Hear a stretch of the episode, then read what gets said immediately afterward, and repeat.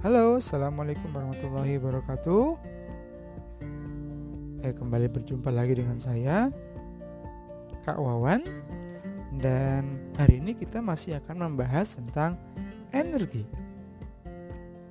Nah kemarin kita sudah bahas tentang sumber energi. Jadi sumber energi itu ada yang terbarukan dan tidak terbarukan. Masih ingat nggak apa yang termasuk sumber energi terbarukan. Wah iya, pinter sekali kamu. Sumber energi yang terbarukan kemarin ada sinar matahari, benar. Air, benar. Angin, benar. Bioenergi, benar. Karena semuanya itu bisa terbarukan kembali atau bisa didaur kembali. Dan jumlahnya nggak bakal habis. Wih hebat sekali kalian. Wah, kemarin juga ada sumber energi yang tak terbarukan. Payo masih ingat nggak? Iya benar, ada batu bara, minyak bumi. Nah keduanya itu habis. Habis kalau terus kita pakai karena untuk membuatnya kembali atau menghasilkannya kembali bisa mencapai jutaan tahun. tentunya itu menyulitkan. Dan sebelumnya kamu juga sudah pelajari juga tentang perubahan bentuk energi. Ayo masih ingat nggak? Kalau baterai itu perubahan energinya apa? Iya baterai yang pakai buat mainan. Nah benar dari energi kimia menjadi energi listrik. Masih ingat nggak kalau manusia itu energi dari mana? Benar, dari makanan. Ini energi makanan atau di dalamnya itu eh, berbentuknya energi kimia.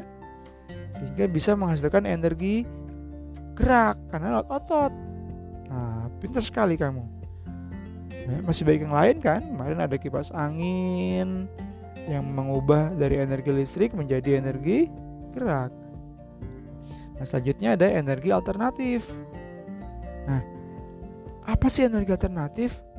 Jadi energi alternatif ini bisa juga dibilangnya adalah energi pengganti. Menggantikan dari energi yang tidak bisa diperbaharui atau yang habis sekali pakai. Nah, jadi energi alternatif ini dianggapnya adalah energi yang lebih ramah lingkungan dan jumlahnya atau ketersediaannya tidak terbatas maka ini bisa dimanfaatkan. Nah, apa saja sih yang termasuk energi alternatif?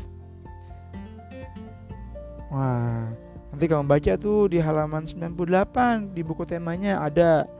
Nah, di situ nanti ada energi yang berasal dari sinar matahari, angin, air, panas bumi, gelombang laut, dan biogas atau biofuel.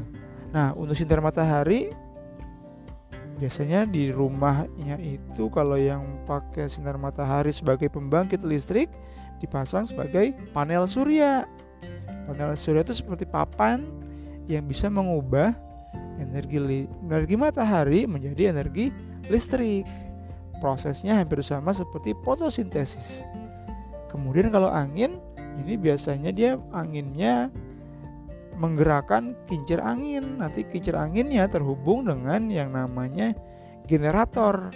Kalau kamu tahu genset yang ada di depan supermarket, nah seperti itu mesinnya.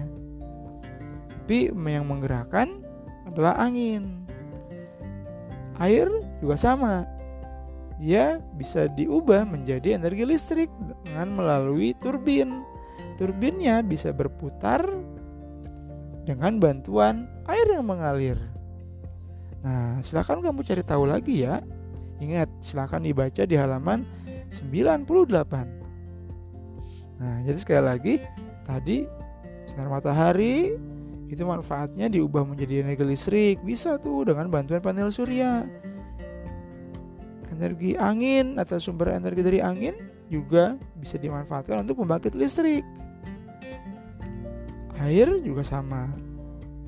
Nah, untuk membuktikannya, coba deh kamu di rumah minta bantuan sama orang tuanya Ingat ya, tapi hanya, meminta bantuan untuk hal-hal yang berbahaya atau berbau-bau dengan pisau.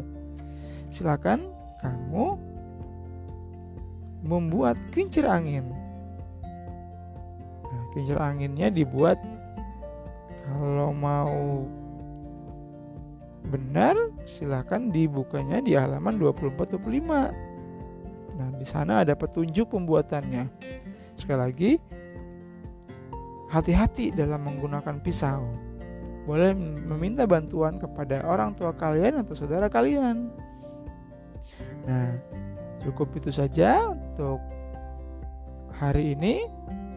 Mudah-mudahan kamu bisa membuatnya. Ingat energi alternatif harus kita gunakan dengan sepenuhnya karena ini bisa mengurangi kerusakan lingkungan, bisa mengurangi perubahan iklim yang sedang terjadi. Terima kasih.